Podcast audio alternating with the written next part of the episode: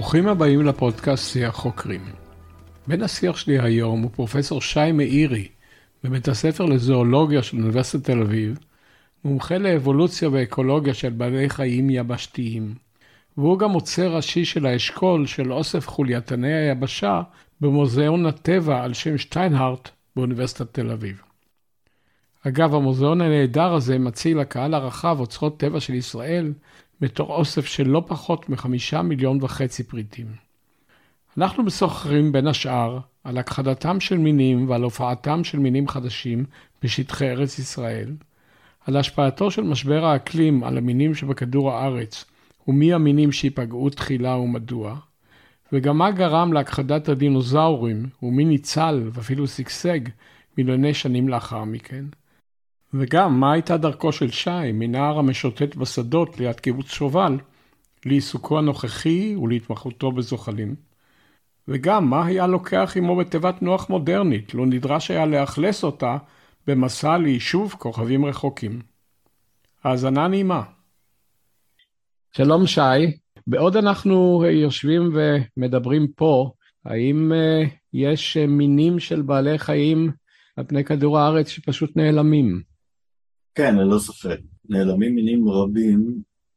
אתה יכול, אתה יכול לתת לי אה, פרקי זמן? זאת אומרת, אנחנו יושבים פה שעה נניח, ניקח יום, ניקח שבוע, אה, כדי לקבל איזשהו מושג על הקצב. אז לא, אני, אני לא יודע לתת uh, זמנים, וחיפשתי את זה בזמנו כשהכינו את התצוגות פה למוזיאון הטבע, וניסיתי לתת הערכה או להגיב על איזושהי הערכה שהשתמשו בה, אה, הערכות נעות עם בערך שני סדרי גודל אה, לגבי הקצבים. ממה שהצלחתי לראות, אף הערכה היא לא טובה במיוחד, או לא נשענת, אולי מצוינת, או לא נשענת על נתונים אה, מוצקים במיוחד. אחת הבעיות העיקריות, שרוב מהמינים שנעלמים אנחנו מסיקים שהם נעלמים ואנחנו לא מכירים. כמה מינים בכלל יש על פני כדור הארץ? זו עוד שאלה שהתשובה עליה היא לא פשוטה. ההערכה הרווחת היא שמדובר בסביבות העשרה מיליון מינים. שזה בעבר... בעלי חיים וצמחים, או שאנחנו מדברים רק... כן, אבל בעיקר זה בעלי חיים, ברובם פורקי רגליים, מתוכם רובם חרקים.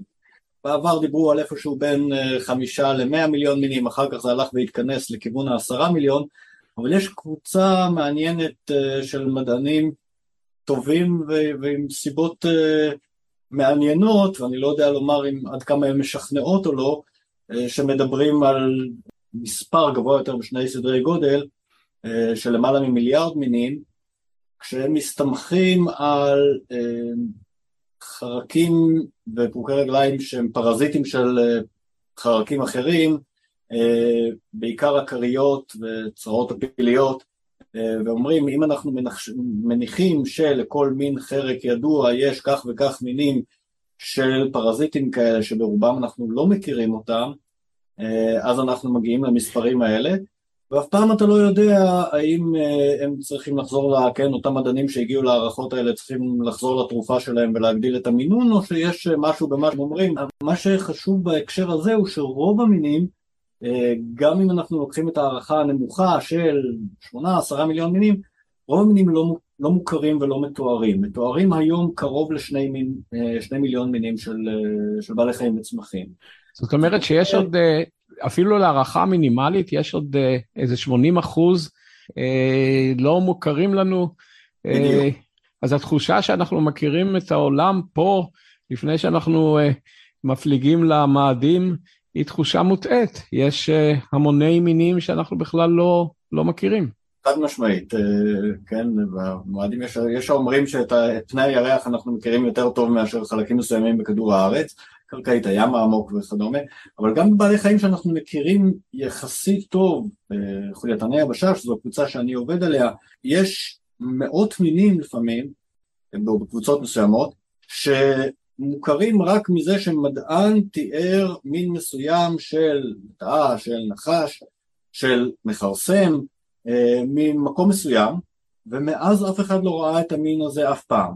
בחלק מהמקרים אולי זה תיאור שגוי, אה, בחלק מהמקרים יכול להיות שהמין עדיין קיים באותה נקודה בקולומביה או בקמבודיה, או לא משנה איפה אה, תואר המין או באלג'יריה, ופשוט אף אחד לא חזר לשם כי זה מסובך, כי זה קשה, כי זה לא מעניין, כי אני לא יודע מה, אבל בחלק מהמקרים יכול להיות שהמינים האלה כבר הלכו לאיבוד, ואנחנו אפילו לא יודעים את זה. בוא נחזור רגע לאלף בית של המינים, מה זה מין?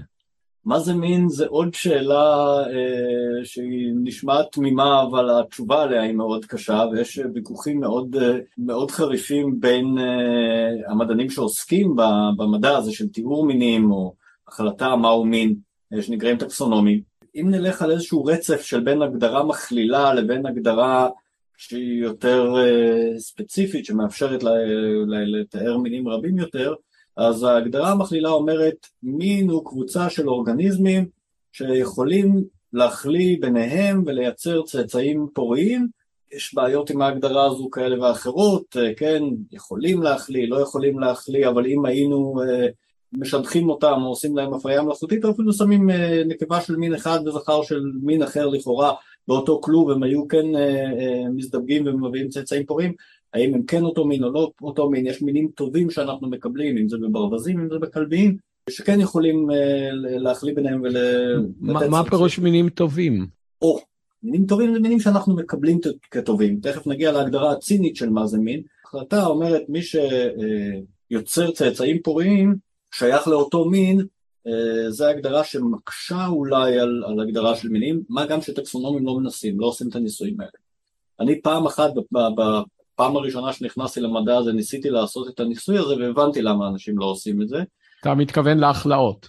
כן, שמנו לטאות שמה שהוכר כמינים אה, נפרדים ולא היינו בטוחים, שמנו זכרים יחד אה, של מין אחד עם נקבות של מין אחר, ניסינו לראות אם הם יוצרים צאצאים פוריים והם לא יצרו. הבעיה הייתה שגם ניסוי הביקורת שלנו, כששמנו זכרים ונקבות של, אה, של אותו מין, לא יצרו צאצאים פוריים ולקחנו אותם מאותה דיונה ולכן המסקנה שלנו הייתה שאנחנו לא יודעים להרבות שנוניות ולא שום דבר בקשר לטקסונומיה שלהם, מה גם שזה ארוך, מסובך, קשה, יקר וכדומה. עכשיו ההגדרה אה, שיותר ויותר משתמשים בה היום זה מינים שאנחנו יכולים להבדיל ביניהם, אנחנו אומרים שהם אה, מניחים שבאמת השושלות שלהם כבר נפרדות איזשהו זמן, אנחנו לא רואים עדות גנטית למעבר אה, חומר גנטי ויש ביניהם אה, הבדלים.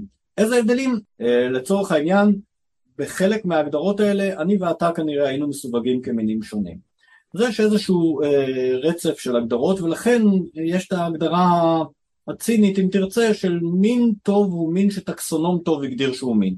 כיוון כן. שאני לא טקסונום טוב ולא כל כך טקסונום בכלל אז קשה להגיד, זה, יש ויכוח על, על השאלה מהו מין מאז דרווין לפחות, אה, כנראה גם לפני אבל יותר חשוב אולי מהרגע שאנחנו הבנו שמינים זה בעצם מייצגים של שושלות אה, של אורגניזמים. קודם כל הזכרנו את ההערכות, לא משנה כרגע אם הערכה מינימליסטית או מקסימליסטית, איזה הערכה שאתה רוצה, כמה מהמינים האלה על פני כדור הארץ וכמה במעמקי האוקיינוס? הרוב המכריע הוא כנראה ביבשה, למרות שהים הוא גדול יותר ויש לו גם הרבה נפח. כיוון ששוב, מה שאנחנו רואים בינתיים זה שבהפרש גדול הקבוצה המגוונת ביותר היא קבוצת uh, החרקים, שהם פורקי רגליים יבשתיים. סרטנים לא הרבה אחריה, אבל בכל זאת אחריה, וסרטנים רובם ימיים, כמובן שיש גם מים מתוקים, יש ביבשה. אחד מהדברים שאומרים אולי אנחנו לא יודעים זה נמטודות, נמטודות יש בכל, תולעים, בכל העולם, גם בקרקע, גם בצמחים, כדא... קרקעית הים, כל מקום. כדאי להסביר שנמטודות הן תולעים, כי... כן. וסוג מסוים מאוד של נמטודה, C אלגנס, אה, כיכב פה לפחות אצל אה, מדענית או מדען אחד, כי הם מודל אה, מאוד מקובל היום לחקר מערכות עצבים והתפתחות. כן, וגנטיקה וכדומה, כן, יש תכונות מעניינות לצנרודיטיס אלגנס, אז הוא, הוא הכוכב היחיד של נמטודות שאנחנו מכירים, אבל יש נמטודות למשל שגורמות נזקים מאוד גדולים לחקלאות, טפילים של חיטה וגידולים כאלה. אבל, ואז, לך תדע מה המגוון של נמטודות בים לעומת אה, יבשה. ובעלי חוליות, שוב, הקבוצה הקרובה אליי, שהיא לא הגדולה ביותר, אולי מספר שלוש או ארבע, אה, בתוך בעלי החיים, החלוקה היא בערך חצי דגים וחצי אה, חולייתני יבשה, אבל מתוך הדגים החלוקה היא באופן מעניין ממה שאנחנו מכירים פחות או יותר חצי בים וחצי במים מתוקים. למרות שוב שהים הוא הרבה יותר גדול. אז זה, זה סיפור אה, לא פשוט, צמחים אה, יש יותר מבעלי חוליות, אבל הרבה פחות מפרוקי רגליים. אני שאלתי אה, בתחילת הדברים שאלה על הכחדת, הכחדות אה, מינים, אבל האם אה, ברגע זה ממש יש גם היווצרות של מינים חדשים? שוב, עקרונית כן, ללא ספק כן, אבל היווצרות של מינים היא כנראה תהליך שלוקח זמן. אם זה לוקח אה, מאות אלפי שנים, אם זה לוקח אלפי שנים, או במקרים מסוימים אולי פחות, אה, זו שאלה, וגם שוב חוזר לשאלה של איך אתה מגדיר מהו מין, האם אה, מין שהיום אה, נוצר מחסור גיאוגרפי בינו לבין אה, אחותו הוא כבר מין חדש, או שאני צריך לחכות אה, מאה אלף שנה עד שיצטברו מספיק הבדלים כדי אה, להגדיר אותו כך? זו שאלה, אז נוצרים. הקצב ההכחדה היום בגלל בני אדם הוא חד משמעית גבוה בהרבה, כנראה אלפי מונים, מקצב ההיווצרות של מינים חדשים. בהמשך נחזור לשאלה כמה מההכחדה היא באמת תוצר של פעילות האדם וכמה היא תהליך טבעי, אבל בינתיים נלך לתהליך שהוא מהיר יותר, שהוא לכן ניתן אני מניח יותר לתצפית ואולי אפילו למבחן, והוא תהליך ההכחדה. האם יש hot spots, האם יש מקומות על פני כדור הארץ שבהם ההכחדה נעשית יותר מאשר במקומות אחרים? התשובה היא כן, חד משמעית כן. אה, זה גם קצת משתנה עם הזמן ושוב עם הפעילות של, של בני אדם. מה שאנחנו רואים אה, ב-500 השנים האחרונות, מאז ההכחדה ההיסטורית המתועדת הראשונה, שהיא ההכחדה של הדודו, כאן הדודו הוא מפורסם. מה זה אה, דודו? דודו הייתה יונה שלא היית יודע שהיא יונה, ציפור גדולה מאוד, כן, משהו כמו עשרה, חמישה עשר קילו אולי, אה, שוכנת קרקע, לא מעופפת, שחיה באי מאוריציוס אה, באוקיינוס ההודי, כן, ממזרח לאפריקה. האי הזה מתגלה על ידי אירופאים, לא היה מיושב אה, קודם לכן, והאירופאים באים, רואים את הדודו ועוד ציפורים אחרות וצבים וכדומה, ומתחילים לאכול הכל מצד אחד, מצד שני הם משחררים כל מיני בעלי חיים על האי הזה, חלק כוונת מכוון, וחלק אה, פשוט כל מיני חולדות שרצות להן מהאוניות אה, למטה ומוצאות איזשהו גן עדן טרופי כזה, והדודו נכחד לקראת סוף המאה ה-17. וזו הפעם הראשונה שאנחנו מכירים בעל חיים, גילו אותו לא מזמן, כן, מגלים אותו אה, עם ההתיישבות במאוריציוס, הגילוי של מאוריציוס קצת יותר מ-100 שנה קודם לכן, וב-1680 הוא כבר לא נמצא. לא נמצא פירושו שאכלו אותו? אכלו את רובם, חולדות כנראה אכלו uh, את הביצים, אולי את הגוזלים, אולי את הבוגרים המקננים, לא לגמרי ברור, אבל זה ללא ספק הוכחד מאוד מאוד מהר אחרי שבני אדם מצאו אותו, מהר אחר כך, כן בגלל שאכלו אותם, נכחד היונק הראשון שאנחנו מתעדים את ההכחדה שלו, יונק ימי מאוד מאוד גדול שנקרא פרת הים של סטלר, שנמצא באזור ים ברינג, כן? אחד מהאזורים הכי מרוחקים על כדור הארץ, נמצאת ב-1741 על ידי איזושהי משלחת רוסית שם שמחפשת פרוות וכוללת איזשהו מדען שמתאר אותה וב-1768, רק 27 שנים אחר כך הם נכחדים לחלוטין. בציד כמעט לא אכלו מהם, אכלו מהם מעט מאוד, אבל אם כבר כאן בואו נהרוג אותם ונאכל קצת. אתה אומר נכחדו לחלוטין, כמה פרטים היו שם?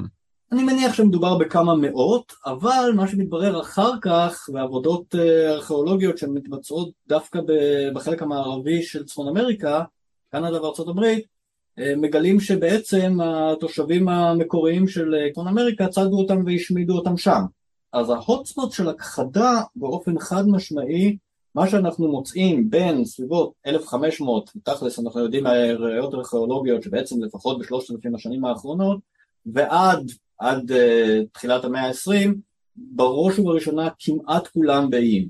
אז אם זה הפולינזים שמגיעים לאיים באוקיינוס השקט ומכחידים את הציפורים ואת הלטאות אה, הגדולות uh, שם, האנשים הראשונים שמגיעים לאוסטרליה, תקרא לזה אי, לא תקרא לזה אי, זה עניין של החלטה, ומכחידים הרבה מאוד מינים של בעלי חיים גדולים, גם עופות, גם זוחלים, ובעיקר יונקים גדולים שם. המוטיבציה העיקרית להכחדה היא, היא לאכול אותה? ככה זה התחיל. אחר כך מגיע, אה, מגיעים האירופאים, עם מסעות הגילויים, כן, שמתחילים אולי, אפשר להתחיל את זה עם הפורטוגזים והספרדים, ואחר כך הולנדים ואנגלים, שהם מוצאים את כל אותם איים שאנשים לא הגיעו אליהם עוד ומכחידים את מה שהולך שם, אז בראש ובראשונה למאכל, אם זה צבי ענק, עופות גדולים, זוחלים גדולים, אבל יחד עם זה מביאים הרבה מאוד מינים פולשים, חולדות, וזה חולדות יותר גדולות מהחולדה המאורית שהיכולת שלה לאכול ציפורים שוכנות קרקע היא מגבלת ציפורים יותר קטנות, אלא החולדה הנורבגית והחולדה השחורה, ועיזים, חתולים, כלבים, שלל גדול של בעלי חיים, אחר כך מביאים כל מיני בעלי חיים לעשות הדברה ביולוגית. למייה ההודית הקטנה שמכחידה הרבה מאוד מינים של זוחלים בקריבים ובמקומות אחרים ובעלי חיים אחרים אז איזשהו קוקטייל של הכחדה ראשית של איים, אבל היום אנחנו רואים שכללי המשחק משתנים. לפני שאנחנו מגיעים רק מין הערה שאני קורא לה לצורך הדיון כלל שי מאירי הראשון, אם אתה רוצה להמשיך להתקיים אל תהיה טעים. זה נכון היה פעם, או שזה בכלל לא היה נכון אף פעם? כי אתה אומר שהמוטיבציה העיקרית במקורה הייתה לאכול. תראה, נכון במידה מסוימת, א', אנחנו לא יודעים, כן? לא, לא שרדו מתכונים, וגם טעים זה עניין, עניין של טעם. יותר מזה, אנחנו רואים היום ממה שקורה בענף הדייג, שבהתחלה בני אדם כיוונו לאכול דגים מסוימים, כשהם נכחדו, והפעם אנחנו מדברים על הכחדה, מה שנקרא הכחדה כלכלית, כן? שכבר לא שווה לדוג אותם כי זה יותר מדי מסובך, נשארו פחות מדי מהם, עוברים למין הבא שקל יחסית לדוג, והשפים של מסעדות היוקרה ילמדו איך להכין אותו.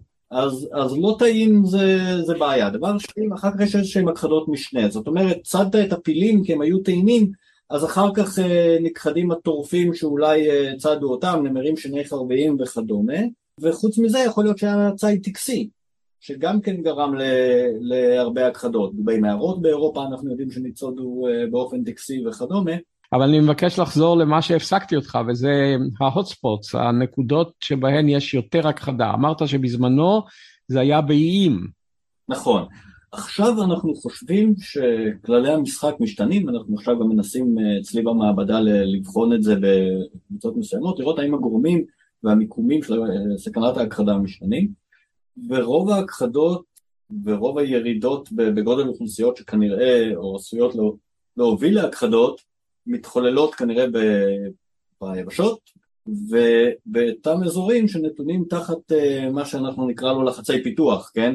בירוי יערות לצורך חקלאות, לצורך איור, כן, שינויים של ייעודי קרקע, הרס בתי גידול, פחות ציד וניצול ישיר, ואז אתה מאבד הרבה יותר בעלי חיים כאיזושהי הכחדה אגבית, כן, זאת אומרת אתה לא מאבד אותם בגלל שתכננת לצוד את כולם כי הם היו טעימים או היה שווה לצוד אותם, היה להם שמן או משהו שאפשר לנצל אותו, אלא הייתי צריך את היער הזה, אני רוצה לעשות פה מטע של שמן דקל או מרעה לפרות ולכן אני אחסל את היער הזה ומה שנעלם ממנו tough luck, אז ההוטספוטס משתנים והם כנראה ישתנו הלאה בעתיד בעקבות הוטספוטס של שינוי אקלים. אתה עד עכשיו תיארת תמונה גלובלית, בוא נפנה רגע לארץ ישראל, המינים שבארץ ישראל כמה נכחדו, כמה נכחדים, איזושהי תמונת עבר ומצב. דבר ראשון, מה שאנחנו רואים בישראל זה תמונה מאוד מאוד דומה למה שראינו בעולם כולו. דבר ראשון, נכחדים המינים הגדולים, נכחדים המינים בציד, הארי והדוב, היען, התנין, אם אנחנו נספור את הנכחדים, מתוך 18 המינים הגדולים ביותר של יונקים שהיו בארץ, 14 נכחדו. אבל רק ארבעה מינים קטנים מברדלס נכחדו. אתה יכול לתת דוגמאות ותקופות? זאת אומרת, עד מתי הסתובבו פה אריות? אריות הסתובבו פה כנראה עד, עד התקופה הצלבנית. נמרים שנכחדו בגליל בשנות ה-60 של המאה הקודמת, התגלו אוכלוסייה אחרת, תת מין אחר, במדבר יהודה ובנגב על ידי גיורא אילני, קצת יותר מאוחר, שוב, לפני כ-50 שנה. הם כנראה נכחדו גם לפני 10-15 שנה, גם משם. זה, זו ההכחדה האחרונה של יונקים שאנחנו מכירים. נכחד המין הגדול ביותר של זוחל, התנין, נכחדים מינים של עופות גדולים, אף מין קטן מקטופה, ינשוף גדול מאוד שצד דגים, כן, נקרא פיש אאול בלעז, לא נכחד. ושוב היום משתנים כללי המשחק, מה זה היום? אפשר לשים את האצבע ולהגיד לפחות החל מיבוש החולה, לפני כ-70 שנה. נכחדים כמה מינים של צמחים, כמה מינים של דגים, כמה מינים של אה, אה, עופות. אה, שי, האם נכנסים מינים חדשים? כן. אה, נכנסים הרבה מינים חדשים, מה שאנחנו קוראים להם אה, מינים פולשים, כן? הם נכנסים במזיד או בשוגג לחקלאות או לגינון או כאיזה שהם טרמפיסטים אה, נכנסים מינים כי אנחנו מגדלים אותם בבית, אם זה באקווריום ואם זה בכלוב, ואחר כך כשאין לנו מה לעשות עם זה, הילד יתבגר, הצו גדל, מה שלא קרה, אז אני אעשה את הדבר הנכון מוסרית ואשחרר אותם לטבע, אבל לא לטבע שלהם, לטבע שלי, לטבע שלנו, לטבע של מדינת ישראל שהם לא היו בו כחלק מהמערכת הטבעית, והרבה פעמים אנחנו מתמודדים עם ההשלכות שלהם, אם זה המיינה ואם זה נמלת האש הקטנה, אה, ואם זה מזיקים חקלאיים, יתושים, יתושים. יתוש הטיגריס. הנמר האסייתי. נדמה לי טיגריס אסייתי, נמר אסייתי. כן. אמ, אותה צירעה טפילית קטנה שמפריעה את הפגות של הפיקוסים שאנחנו מגננים בהם, שוב, לא פיקוסים אה, מקומיים, ולכן אה, יש הרבה מאוד לכלוך על הרחובות בתל אביב, כן? איך הגיע אגב מה שאנחנו מכנים הנמר האסייתי, היתוש הנורא לא הזה? אני לא יודע, אה, אבל אם נתפוס את הבן אדם שהביא אותו, אנחנו נעמיד אותו יש... מול כיתת יתושים. כן, אנחנו לא מצליחים פה להיפטר מהם בשום צורה שהיא, ואולי נדבר, נקדיש לזה פעם שיחה מיוחדת, אולי אתה תביא את מיטב מומחיך, אה, שיסבירו מה המין שיכול לגרש אותם. אה, אני מניח שיש גם כאלה. זו בעיה, הניסיונות עד היום לעשות איזושהי הדברה ביולוגית של מין באמצעות מין אחר, הרבה פעמים הסתיימו באסון הרבה יותר גדול מאשר המין המקורי. לפני שנדבר על אה, אחד הפרויקטים שאתה אה, עוסק בו עכשיו, אני עדיין מבקש להישאר בתחום של הכחדת מינים. אם ככה, אם יש מינים שנכחדים, אז אה, מדוע שלא ניקח את ה-DNA של המינים האלה, או שנשמר אותו בספרייה, או שנייצר את המינים מחדש? ראשית אנחנו עושים את זה, זאת אומרת לשמר את ה-DNA. אנחנו פה במוזיאון הטבע על שם שטיינארט, כל פעם שמגיע אלינו איזשהו פרט אנחנו אה, אה, שומרים פיסת DNA קטנה בהקפאה עמוקה כדי לשמר את ה-DNA. להגיע מפיסת DNA, מרצף של DNA, אה, אם זה ממולקולה של DNA שנמצאת מגרעין תא לאורגניזם כיום ב-2022 עם הטכנולוגיה שעומדת ברשותנו, בלתי אפשרי. אולי עוד 50 שנה, 30 שנה, אולי עוד 300 שנה זה יהיה אפשר. היום אפילו אם יש לי את הרצף לסנטז מולקולה DNA, לארוז אותה בכרומוזומים, להפוך אותה לתא זרע תא ביצית, אי אפשר. אז אין לזה עדיין תקדים שלקחו DNA של יצור שנכחד ויצרו במעבדה איזשהו עובר של היצור הזה. זאת אומרת, ספילברג עשה מזה די הרבה קריירה. אה, אז בקולנוע יש תקדים, במדע עוד אין. זה יקרה, אנחנו עוד לא שם, ואני לא יודע להגיד לך כאמור מתי נהיה שם, אבל אנחנו עוד לא שם. אבל, אבל עוד בעיה, חלק גדול מבעלי החיים שנכחדו מישראל, אם זה אריות ואם זה נברני מים, קיימים במקומות אחרים בעולם. הבעיה שלי היא לא לשחזר אריה. שוב, מין שנכחד לגמרי סיפור אחר, אבל בו, בזירה המקומית כמעט אין לי הכחדות שהן הכחדות גלובליות. מה שיש לי זה הכחדה של אוכלוסיות. ואז אני לא צריך ללכת לאיזה טכנולוגיה, אני אלך לגן חיות ואקח כמה אריות. מה שאין לי זה את, אה, את המקום לשחרר אותם. אין לי את המקום לשחרר אותם באופן שהוא בטוח לציבור במקרה של אריות, ואין לי את המקום לשחרר אותם במצב שיהיה בטוח להם, אולי כן. לנברן המים. אולי כן אפשר לשחרר היום נברן מים, אבל חלק מהניסיונות שלנו לעשות דברים כאלה הצליחו. הצליח נהדר לרעמים אה, אה, לבנים, הצליח נהדר ליחמורים, הצליח נהדר לפראים עם הרבה מאוד מאמץ של רשות הטבע והגנים, של האקדמיה וכדומה, אבל חלק מהמקרים נכשלו כישלון חרוץ, ניסו כמה פעמים להחזיר את האיתם לבן הזנב בלי הצלחה, היה לכרמל הצלחה מאוד מאוד מאוד מוגבלת אה, וכדומה. אגב, בתקופת הפנדמיה, במיוחד בעקבות סגרים שהיו בשנה הראשונה, אני מבין שמינים שונים שינו את הביטת שלהם, מספיק להסתובב בחיפה. זה נכון או שזה היה תמיד ופשוט אנשים בגלל שנשארו בבית שמו לב? זה נכון חלקי. פוסט-דוקטורנטית שלי רעות עבדה על זה קצת עם נתונים של אה, Citizen Science מארצות הברית והראתה כמה שיש פה ושם איזה שהם שינויים כנראה קצרי טווח, החזירים בחיפה התחילו כבר קודם וזה פשוט איזשהו המשך של, אה, של תהליך שהתחיל עוד לפני ה-COVID. זאת אומרת שהם אה, פלשו העירה מטעמי רעב עוד קודם. תראה, היום אנחנו מספקים להם אוכל כמה שהם רוצים, כן? כי אנחנו לא כל כך טובים בלהטמין את הפסולת שלנו, אנחנו לא צדים אותם, יש להם אה, אה, בית גידול טבעי מאוד קרוב בחיפה, כן, בגלל הטופוגרפיה אה, היא לא בנויה בצפיפות כמו תל אביב למשל, או ראשון לציון, ולכן היא מזמינה חזירים, אנחנו מזמינים אותם, הם באים.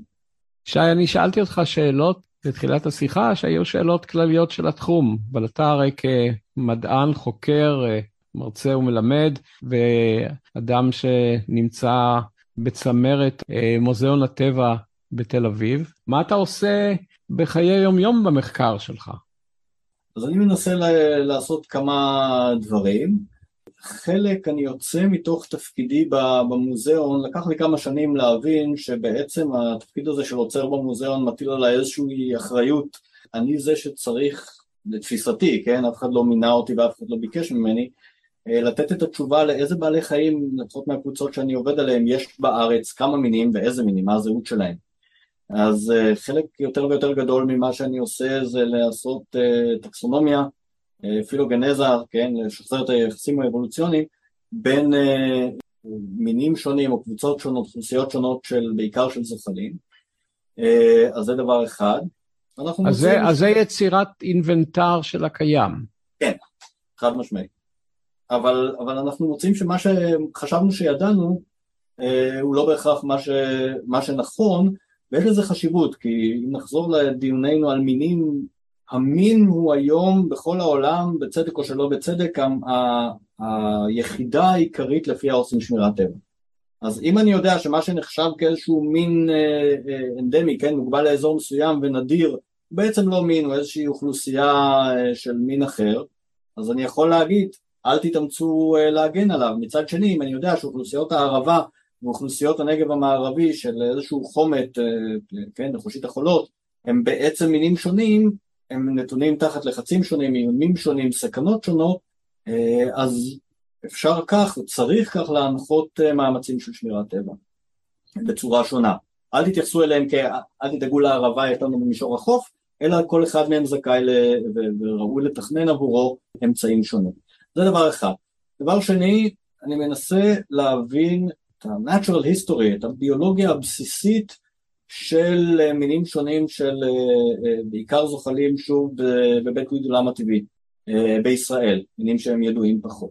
דבר שלישי, אנחנו מנסים בקנה מידה כלל עולמי לייצר בסיסי נתונים של האקולוגיה, היסטוריית החיים, התפוצה וסכנות ההכחדה של כל מיני זוחלים בעולם, לצרף את זה לבסיסי נתונים דומים שנאספו עבור קבוצות אחרות, אם זה יונקים, אם זה עופות, תוחאים, וגם לענות על שאלות שאותנו לפחות הן מאוד מאוד מעניינות באקולוגיה, באבולוציה ובביוגרפיה, וגם לבדוק מהם האיומים שמינים ניצבים בפניהם, ומקומות מסוימים אה, ניצבים בפניהם, ואיך אפשר אולי אה, לתכנן שמירת טבע בצורה מיטבית כדי לצמצם את האיומים האלה.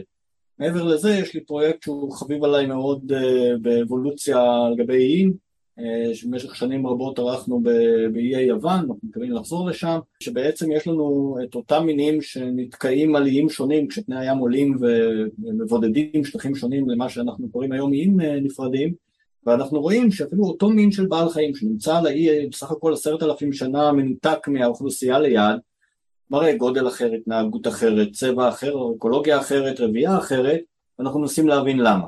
ואז הוא הופך להיות מין כי הוא אה, לא יזדווג עם המין באי השני, לא או שזה טרם ברור? אחר. שוב, כיוון אם אנחנו עובדים על מרחקים גנטיים כסמן שלנו, אנחנו נגיד שהוא לא מין אחר.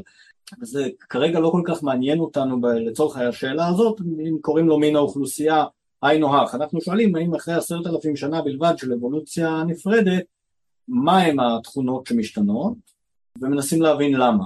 אגב, בינתיים הצלחה מעטה מאוד.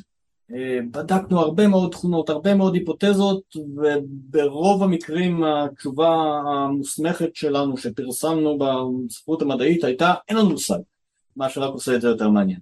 אז אלה כיווני המחקר העיקריים שלי היום. מדוע זוחלים? מדוע זוחלים מכמה סיבות. אה, ראשית, אהבתי זוחלים הרבה זמן עוד כילד, כן, אה, היינו מסתובבים אה, קבוצה של ילדים בכיתות ד', ה', ו' ומחפשים זוחלים בשדות, בקיבוץ שובל, כשידענו אז שהוא דרומה מתחום התפוצה של הצפע וצפונה מתחום התפוצה של הנחשים הארסיים זה מקום טוב אם כך. המדבריים, אז ידענו שאנחנו בסדר. היום אגב לדעתי כבר יש שם צבעים באזור. וזה חלק מהעניין הכללי שלי בבעלי חיים. את הדוקטורט שלי עשיתי על יונקים. מה היה נושא הדוקטורט? הדוקטורט הייתה, היה אבולוציה אה, של גודל גוף בעיקר על גבי איים, אבל לא רק, אה, ולצורך העניין אה, מדדתי זוחלים, סליחה, מדדתי יונקים במוזיאונים לטבע ברחבי העולם כדי לראות הבדלים בגודל לאורך גרדיאנטים גיאוגרפיים. ואת הפוסט דוקטורט? את הפוסט דוקטורט עשיתי על זוחלים באימפריאל קולג' לונדון, הם פרסמו משרה לפוסט דוקטורט ב-large scale ecology. ו-large scale ecology שנקרא גם מקרו-אקולוגיה או מקרו-אקולוגי עד אז, אנחנו מדברים על שנת 2005, היה כמעט ורק מחקרים בעופות וביונקים. אני אמרתי אני אלך על, דווקא על זוחלים מכמה סיבות. ראשית, יזכרו אותי. יגיעו לשם שמונה מועמדים, אני בטוח שאני היחיד שידבר על זוחלים וצדק. אה, כן, אז אני אבלוט על הרקע. שנית, זה לא נעשה עד היום, כמעט כל המקרו-אקולוגיה נכון לשנת 2005 הייתה או על עופות או על יונקים שידועים הרבה יותר טוב, ואמרתי זה יהיה מעניין ראשית אם נמצא שזה אותו דבר יהיה מאוד מעניין, אם נמצא שזה שונה יהיה מעניין להבין למה, יהיה למה להשוות, זאת אומרת כבר אז חשבתי ניקח את מה שנמצא על זוחלים ואחרי שנדבר על זוחלים עצמם נראה איך זה דומה ואיך זה שונה ממה שידוע מקבוצות אחרות זה מה שאנחנו נכנסים אליו בעיקר אה, עכשיו 15, אה, יותר מ-15 שנים אחר כך. ו, ומה שאני לא אמצא יהיה חדש. ונכנסתי לעניין הזה של זוחלים כששוב הפעם האחרונה שהתעסקתי אינטנסיבית בזוחלים פרט בקורסים שלמדתי ותרגלתי הייתה כ, כילד והתאהבתי מחדש. אז אני מאוד מאוד שמח על, ה, על ההחלטה של אז. אה, גם אה, אם היא הצליחה טקטית או לא, עובדה שזה הצליח, אני לא יודע אם בגלל זה, ובאמת אה, הייתה נישה יחסית ריקה, כמו שאומרים אצלנו אקולוגים, וגיליתי עולם זוחלי שחלקו הגדול לא הכרתי, הוא מרתק. בוא, בוא נחזור שנייה לנקודה שהצצה קודם. אתה דיברת על אפשרות לעשות ניסויים, וגם אמרת שבחלק מן הדברים שדנו בהם אנשים למשל בנושא של אה, חלוקה למינים, התמיינות למינים, אה, קשה מאוד לעשות ניסויים, אה, ואני גם מבין לחלוטין למה, כי אני מניח שגם בתנאי מעבדה לפעמים חסר האלמנט הסביבתי או ההתנהגותי שבכלל יגרום לשני הפרטים הללו להזדווג. מצד שני, דיברת על מוזיאונים, כמה מהעבודה שלך היא עבודה של התבוננות פריטים או בטבע או במוזיאונים, וכמה הם עדיין ניסויי מעבדה לצורך העניין שלנו. מעבדה יכולה להיות בטבע כמובן. זאת אומרת, מה אתה מנסה לבחון על ידי שינוי, ומה אתה מנסה לבדוק רק על ידי תצפית? רוב מה שאני עושה כולל אה, תצפיות ולא ניסויים. אגב, אה, גם הרבה מאוד נתונים, בטח במחקרים שעוסקים בדפוסים גלובליים, נתונים גלובליים, המידע הוא אפילו לא אה, מידע ישיר של אני הולך ומודד או סטודנטי שלי הולכת ומודדת אה, פרט מסוים, אלא אנחנו מקבלים אותם מהספרות, אנחנו מוצאים אותם בספרות המדעית, בסיסי נתונים אה, שזמינים ברשת וכדומה. עבודה מוזיאונית, שוב במוזיאון אנחנו לרוב אוכלי פגרים עם סבלנות.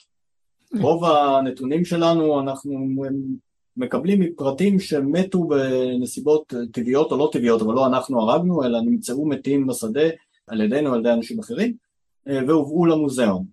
אנחנו לא צדים יונקים, אנחנו לא צדים עופות, אנחנו כן פה ושם במקרים נדירים, צדים אם תרצה, אוספים פרטים של זוחלים, במקרים פחות נדירים אנחנו משכנעים אותם למסור את קצה זנבם למדע, כן, זה מינים שמחדשים את הזנב באופן טבעי בתגובה לטורפים או לתחרויות תוך מיניות, אז אנחנו יודעים שאנחנו לא גורמים להם הרבה נזק, אולי לא בכלל, ואז מדובר בתצפיות, גם בשדה אנחנו עושים תצפיות, בטח העבודה שלנו באיים מרובה תצפיתית, אז אנחנו יכולים לתפוס את בעל החיים, למדוד אותו, למדוד לו את הטמפרטורה.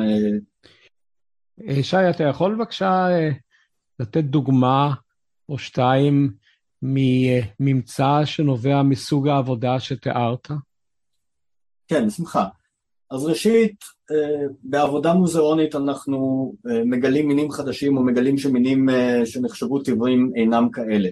כך למשל, שני מיני נחשים שחשבו שיש בישראל מטבעון צ'רנוב או זעמן יהודה, גילינו שבעצם הם חלק ממינים אחרים נפוצים יותר, זעמן דק ומטבעון...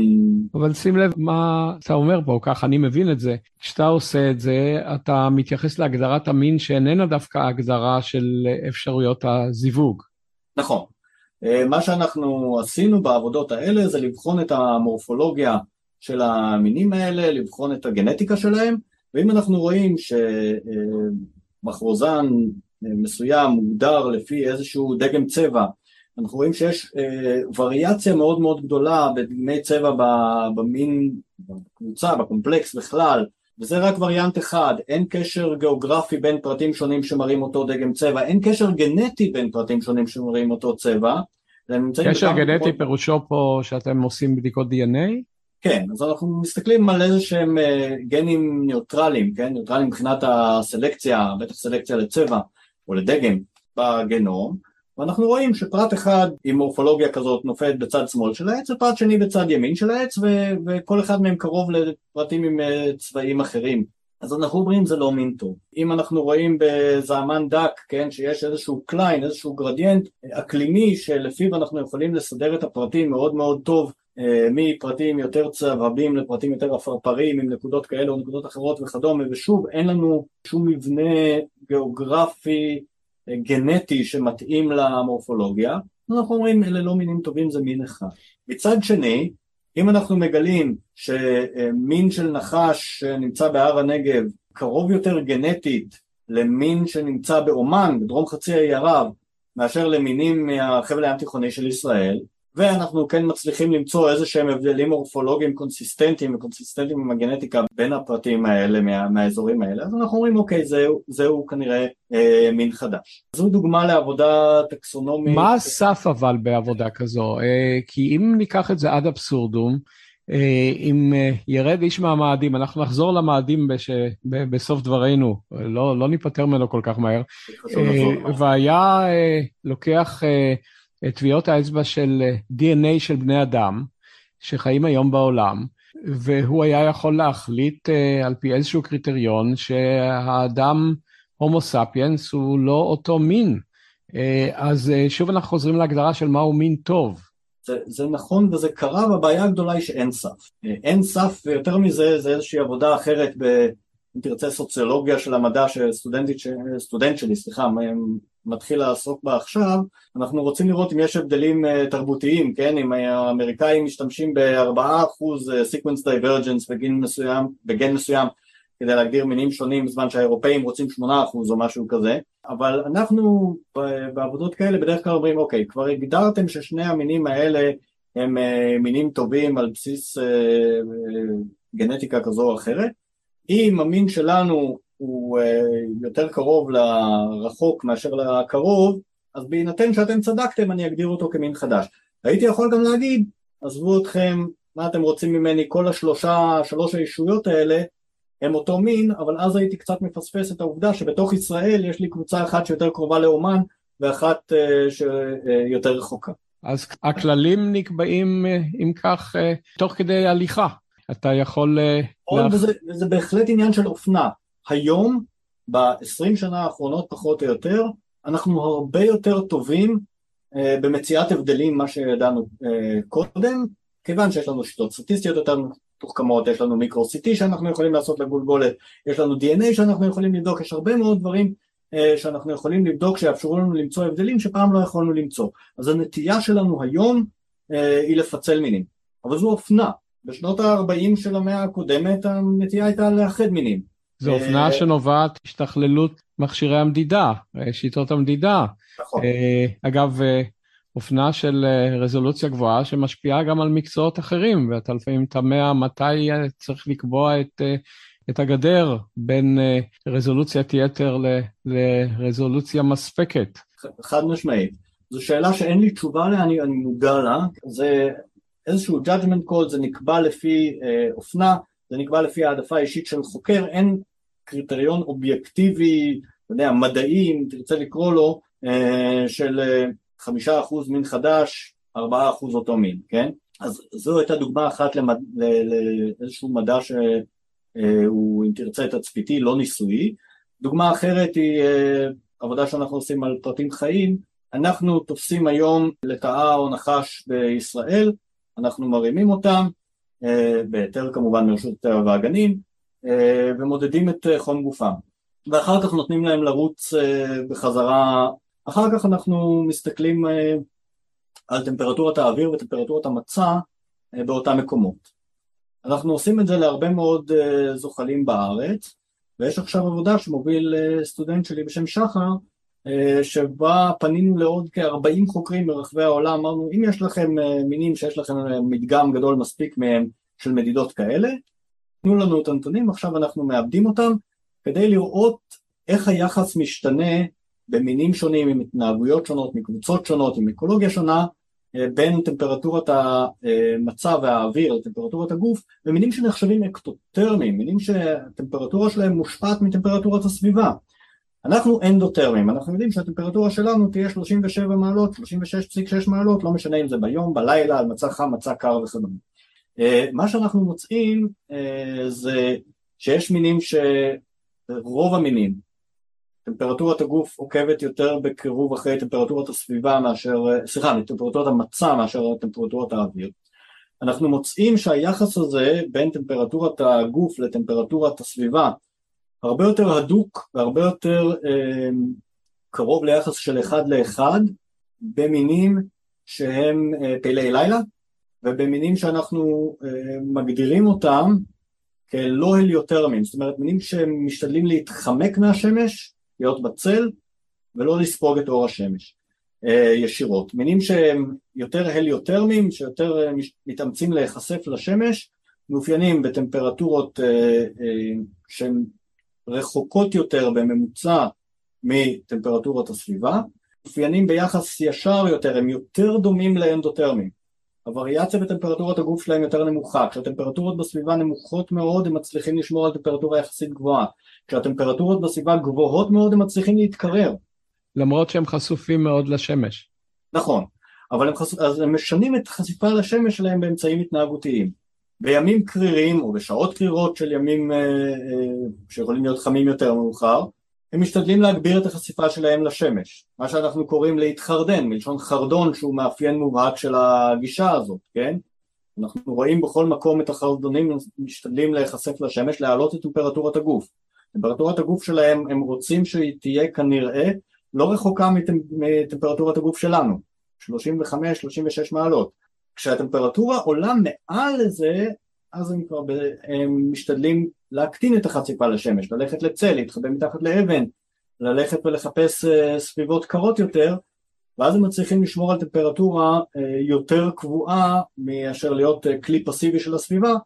סממיות שהן פעילות לילה, סממיות פעילות לילה, יש גם פעילות לא יום, יראו טמפרטורה הרבה יותר דומה לטמפרטורת הסביבה לאורך זמן הפעילות שלהם. אין להם היכולת הזו להעלות את הטמפרטורה על ידי חשיפה לשמש כי אין שמש. אה, אבל גם מינים שהם אה, מיני צל אה, מובהקים, גם אם הם פעילים ביום, כן יעקבו אחרי טמפרטורת הסביבה בצורה הרבה יותר קרובה מאשר חרדון או שנונית. האם ההתחממות הגלובלית תביא לדעתך לשינוי בהכחדת מינים, או כן. שהשינוי הוא קטן מדי? לא, חד משמעית היא תביא להכחדה של מינים. הראשונים שילכו זה אלה שאין להם לאן לברוח. קרוב לוודאי, אה, מינים של ראשי ערים למשל, מינים שבישראל לפחות מוגבלים לחרמון, כמו סממית החרמון, לטאה חרמונית, צף החרמון, נברן שלג. ברגע שכדור הארץ יתחמם, מין שחי יותר נמוך יכול לעלות במעלה החרמון ולמצוא את הנישה הטרמלית, כן? את הטמפרטורות החביבות עליו. מין שצריך את הסביבה הקרה, אין לו לאן לעלות. אחרי מצפה שלגים הוא יכול לעבור לסוריה, עוד 600 מטר נגמר. אה, והמינים האלה כנראה יהיו הראשונים להיכחד. תופעות של מדבור אה, יגרמו למינים של ספר מדבר כנראה לאבד את אה, בית הגידול שלהם. אנחנו חושבים שמינים שנמצאים כבר היום במקומות הכי חמים על כדור הארץ, שחלק מהם נמצאים פה או לא רחוק מפה, אין להם אדפטציה פיזיולוגית לעמוד בטמפרטורות מאוד מאוד חמות. אז או שהם יצליחו לשנות את שעות הפעילות שלהם, לפעילות לילית למשל, או שהם לא יצליחו, ואז הם יכחדו, אין להם גיאוגרפית לאן לברוח. אז אלה יהיו המינים, אלה יהיו המקומות ששינויי אקלים ישפיעו עליהם בצורה החריפה ביותר. כמובן תמיד מי שנמצא באיזשהו מקום קטן מבודד, אם זה אי, אם זה איזושהי סביבה קטנה ליד איזשהו הר, בראש איזשהו הר או מה, הם הפגיעים ביותר. הדברים שאמרת מוליכים לשאלה שאני לא יכול להימנע מלשאול אותה, למרות שאני די משוכנע שאתה לא מת עליה. איך נעלמו הדינוזאורים? לפי הבנתנו, הדינוזאורים נעלמו לפני 66 מיליון שנה, אחרי פגיעה של מטאוריט גדול מאוד אה, באזור חצי האי יוקטן שבמקסיקו של היום. המטאוריט הזה יצר שרפות מאוד גדולות, שקול לפיצוץ של אה, הרבה מאוד פצצות גרעיניות באזור הזה, שרף מה שהיה שם, יצר גלי צונאמי אה, אדירים שהשפיעו, אנחנו יודעים, עד אל תוך פנים ארצות הברית של היום, אבל מעבר לזה, עולמית, הוא הביא כנראה לשחרור כמויות מאוד מאוד גדולות של אבק לאטמוספירה ויצירה של אה, מה שנקרא חורף גרעיני. הכמויות הגדולות האלה של חלקיקים באטמוספירה חסמו כנראה את אור השמש לתקופה ארוכה ובעלי חיים, אה, כן, נעצר הייצור הראשוני או כמעט נעצר והרבה מאוד בעלי חיים לא הצליחו אה, לשרוד את זה, הרבה, היו הרבה שכן, אבל הרבה מאוד קבוצות של מי, בעלי מי, חיים. מי הקבוצות ששרדו? מהקבוצות ששרדו, יונקים שרדו, עופות שרדו, נחשים שרדו, אלה קבוצות שלא רק שרדו, אלא כמה מיליון, מיליוני שנים אחרי האימפקט הזה אה, התחילו לשגשג, עברו מה שנקרא אה, רדיאציה אדפטיבית, איזושהי התפוצצות אבולוציונית, כל הקבוצות האלה, הטריגר כנראה מגיע בעצם עם, אה, עם אותו אירוע של הכחדת הדינוזאורים, ו... נותן להם איזושהי אפשרות אקולוגית, אבל זה קורה רק אחרי כמה מיליוני שנים. בואו נשייט רגע למחוזות המדע הבדיוני, אה, שלא יודע אם הוא כל כך בדיוני, ואם אה, בסצנריו של יום הדין היה מתרחש דבר כזה שוב, מי לדעתך היו המינים שהיו מופיעים אחר כך? אני לא יודע. האירועים האלה הם לא כל כך צפויים. אנחנו יודעים שמינים גדולים אה, הלכו, כן? נעלמו הדינוזאורים, נעלמו איכטיוזאורים, נעלמו מוזוזאורים, אה, קבוצה של אה, לטאות ימיות מאוד מאוד גדולות, ואחרות, קבוצות אחרות. אבל צבים שרדו, ותנינים שרדו, ואלה חיות גדולות יחסית. ונכחדו גם קבוצות של בעלי חיים קטנים, המוניטים למשל. אז אני לא יודע לומר לך, חוקר האבולוציה המנוח סטיבן ג'יי גולד עשתה הרבה מהרעיון ש... האירועים האלה של הכחדות אמוניות הם איזה שהם אירועים שעובדים בסט אחר של כללים מה, מהזמנים הנורמליים ולכן היכולת שלנו לחזות את התוצאות שלהן אה, היא נמוכה ואני חושב שהוא צדק. אני מבין שאתה אה, כבר בילדותך ראית את עצמך כחוקר בעלי חיים בחולות שליד אה, קיבוץ שובל, זה נכון? זאת אומרת, אה, לא חשבת על עיסוקים אחרים? זה תמיד חשבת שזה מה שתעסוק בבגרותך? לא, זה לא בהכרח נכון. אמ, זאת אומרת, כן, ברשימת המקצועות שאתה מעביר בראשך כילד, כן, ליד כבאי, אז היה חוקר טבע, שלא ידעתי מה זה, ואחר כך אה, כנער, כשהתחלתי לקרוא את הספרים של, אה, של בולד וגראואר פה באוניברסיטת תל אביב בזמנו ואחרים, הנושא הזה של אבולוציה מאוד מאוד משך אותי, אחר כך הייתי בצבא קבע כמה שנים וחשבתי בזמן מסוים לעשות קצין ומי יודע מה... באיזה תחום? קורה משם. אה, הייתי בחיל הים, אבל אחר כך בעצם אני יכול להגיד שבשבוע הראשון שהייתי באוניברסיטה בשנה א', כאן באוניברסיטת תל אביב, הבנתי שוואלה, פה אני רוצה להיות. מה גרם לכך בשבוע הראשון? אה, הרצאות מסוימות, מרצים מסוימים, או איזושהי לא, שקיעה של... מרצים, נושאים, אה, דברים התיישבו לי. אמרו לי, אוקיי, זאת אומרת, קראתי כבר הרבה ספרות על אבולוציה, אבל לא ידעתי מה זה להיות חוקר אבולוציה. והתחלתי להבין את זה יותר מהר מאוד, וואלה, אני, זה, זה מרגיש לי טבעי, זה מרגיש לי נכון, זה מרגיש שזה המקום, זה מרגיש ש... אז האבולוציה שלך כחוקר קיבלה את. הגיבוש והתפנית כבר בשבוע הראשון לתואר הראשון? שוב, אה, הרגשתי, כן, הרגשתי עם זה מאוד טוב, אבל אתה יודע, אתה, שנה א' אתה עוד לא יודע מה זה אקדמיה, תלמידי תואר שני נראים לך כ, כבני אלים אם לא אלים ממש, אבל עם ההמשך של ה, כן, התואר הראשון ו, אה, ותארים מתקדמים, אז היה נראה לי, וואלה, נהדר, כן, זה מה שאני רוצה לעשות. ואני מאוד בר מזל, רואה את עצמי מאוד בר מזל שהצלחתי לעשות את זה, כן? כמו שאומר אה, מורי ורבי פרופסור יורם יום טוב, זואולוג זה מי שהם משלמים לו כדי לעסוק בהובי שלו. אני מבקש לסיום לשאול שאלה שמתבססת על כך שיש לך ידע רחב מאוד באבולוציה ובמינים אה, של בעלי חיים וגם צמחים, ובמוזיאון שהוא המוזיאון הראשי בארץ לטבע, אם היום אה, נאס"א הייתה, סוכנות החלל האמריקאית, הייתה מזמינה אותך כיועץ מומחה, אולי כאסטרונאוט בפוטנציה, לפרויקט שלהם שנועד ליישב כוכב רחוק, ואתה מתבקש אה, לקחת איתך תיבת נוח קטנה. מה המינים שהיית שם שם? חוץ מבני אדם, שאין לך ברירה, כי כן. אתה עדיין יכול לוותר גם על זה, כן. תראה, זו שאלה שאפשר לגשת אליה מכמה כיוונים. דבר ראשון, מה שאתה צריך לדאוג זה שתהיה שם מערכת אקולוגית שיכולה לתפקד, שלא הכל ייכחד תוך uh, שבועיים. אז אתה צריך לקחת יצרנים ראשוניים, uh, ואתה צריך לקחת... אז מה זה יצרנים ראשוניים? ראשוניים זה מי שיכול לנצל אנרגיה או סולארית או כימית כדי לבנות רקמות. צמחים. אז זה צמחים. הכי טוב בכדור הארץ. אז זה צמחים. כן. זאת אומרת, יש את זה גם מה שנקרא חמואוטוטרופים, כן? כל מיני חידקים שמחמצנים גופרית, שעושים את זה בכדור הארץ במקומות מסוימים כמו היידרותרמל אה, ונס, כן? בקרקעית הים וכדומה, אבל צמחים ללא ספק עושים את זה הכי טוב, ועל זה לבנות איזושהי חברה שמי שניזון מהצמחים, מי שניזון ממי שניזון מהצמחים, מי שמפרק את החומר האורגני המת אה, שמצטבר אה, אחר כך. תן לי בבקשה דוגמאות קונקרטיות. דוגמאות קונקרטיות למפרקים יכולות להיות אה, תחביות, כן, מה שקוראים הילדים אורי כדורי, אה, חיפושיות זבל, כמובן אה, מיקרואורגניזמים שונים ש, שמפרקים חומר אורגני נרקב, אז צריך לחשוב אקולוגי. עולם כמו שאנחנו רואים, אני תופס את עצמי פתאום, רואה איזשהו שר טבעות או הוביט כזה ואחר, אומר רגע, יש פה עולם של עשרות אלפי אורקים או לא משנה מה יש, כולם טורפים, וכולם חיים מתחת לקרקע איפה שאין ייצור ראשוני, מה הם אוכלים? זה הורס לך את, ההנאה מסרטים מסוימים להיות אקולוג, למרות שגם חלק מהדמויות יכולות להרוס לך את זה.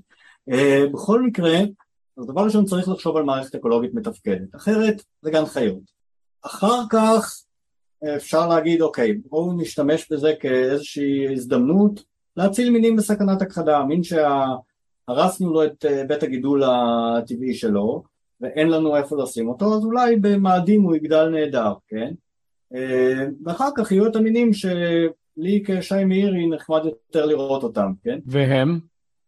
או, זה, יש רשימה ארוכה. תבחר את חמשת האהודים עליך. הייתי לוקח מינים מסוימים של פינגווינים, מינים מסוימים של אה, אה, חרדונים אוסטרליים, לוטרות, יש, יש לי רשימה ארוכה, ושוב אני מתנצל ממי שהעלבתי אותו. אשתי אומרת שאני אוהב יונקים עם אף ארוך, אה, אה, דובי נמלים, שנבובים. אז תיבת נוח שלך, בניגוד אליי לספרי ילדים, לא תכלול אה, פילים וג'ירפות, הם גדולים מדי? לא, היא תכלול ודאי, או שהם יתפתחו באופן טבעי, אבל שוב, השאלה היא כמה אתה מגביל אותי, את נוח לא הגבילו, אמרו לו קח שניים מכל אחד. עכשיו הוא היה כנראה טקסונום מאוד מאוד טוב כדי לדעת מי, מי הוא מין טוב ומי לא. למרבה הצער כבר אין את מי לשאול. אני מבטיח לנצל אה, כמה מקום שתיתן לי בחללית, אה, אבל שוב, מבחינת אה, cost benefit, יש מקום להרבה מאוד מינים קטנים על חשבון שני הפילים. שי, אני מאוד מודה לך על השיחה, ואני מקווה שתיבת הנוח הזו לא תצא בחופזה, כי אין ברירה אלא לשגר אותה. זאת אומרת שהחיים פה יימשכו בצורה סבירה, ושזו לא תהיה משלחת הצלה. אז המון תודה. תודה לך.